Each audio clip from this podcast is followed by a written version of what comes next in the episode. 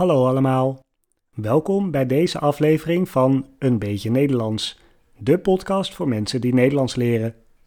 Mijn naam is Robin en vandaag zit ik hier samen met Suzanne. Hoi Suzanne. Hallo. Vandaag hebben we een aflevering van Typisch Nederlands, waarbij we het samen hebben over een typisch Nederlands onderwerp. Dat is iets dat alle Nederlanders kennen. Het onderwerp van vandaag is de kringverjaardag. De kringverjaardag. Ik denk dat dat wel echt een van de meest typisch Nederlandse dingen is. Ja, misschien kennen jullie het eigenlijk ook wel. Als je een keer op een verjaardag bent geweest van iemand die Nederlands is. Ja, want dit is de klassieke manier om in Nederland dus je verjaardag te vieren. Eh, je gaat met z'n allen in een kring zitten.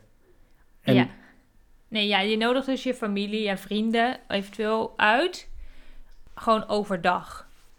En dan, en dan zit je alle stoelen in een kring. ja, want dat vinden we gezellig. Het is helemaal niet gezellig, want dan kun je alleen maar met degene naast je praten. Ja, Maar goed. maar goed, laten we beginnen bij het begin. Want als je binnenkomt bij een kringverjaardag, is er een belangrijk ritueel. Het moet altijd op dezelfde manier. Zeker als er al andere mensen zijn. Je moet namelijk iedereen groeten die er al is. En iedereen feliciteren vooral. Ja, dus je zegt, je gaat die kring, ga je rond. En dan zeg je tegen iedereen, gefeliciteerd met, nou, Pietje, als Pietje jarig is. Ja, dus gefeliciteerd met je broer. Of gefeliciteerd met je tante. Want die zijn er ook allebei, want je hele familie is er Ja, bij een kringverjaardag. bij een kringverjaardag is familie wel belangrijk. Soms misschien ook wat vrienden, maar familie eh, is wel het belangrijkste op de verjaardag. Ja, en dan ehm, krijg je een stuk taart. Het liefst een slagroomtaart. Dat is wel echt een klassieker. Dat is zeker echt een klassieker, al hou ik zelf niet zo heel erg van slagroomtaart. En dan Dan krijg, krijg dan je een ga je met plekje. dat schoteltje met die taart ga je op een stoel zitten in de kring. Ja.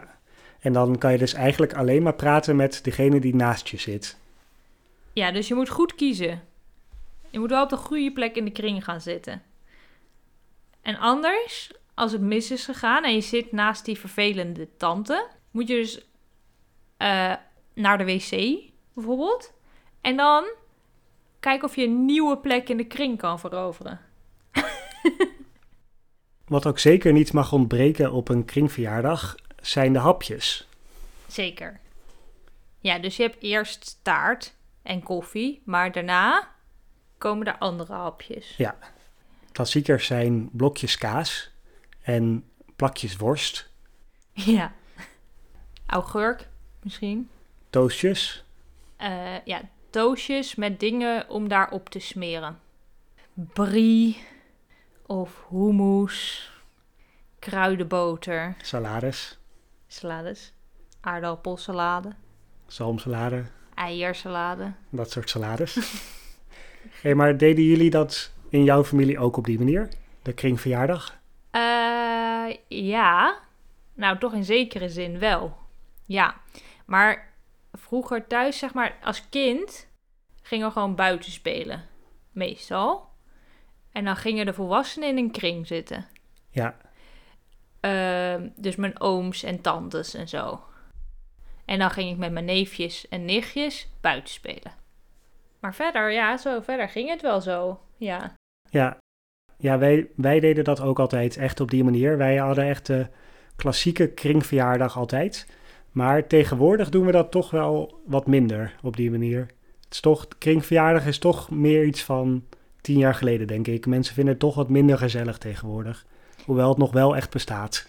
Ja, maar het grappige is, denk ik, dat we dus ons ervan bewust zijn dat het een beetje een suffe traditie is. Maar dat in de praktijk verjaardagen met familie toch soms eindigen in een kring. Ja, het, is toch, het, het zit dan toch diep bij ons Nederlanders. Je krijgt het er niet uit. Blijkbaar. Ja. Oké, dus kringverjaardagen, iets typisch Nederlands.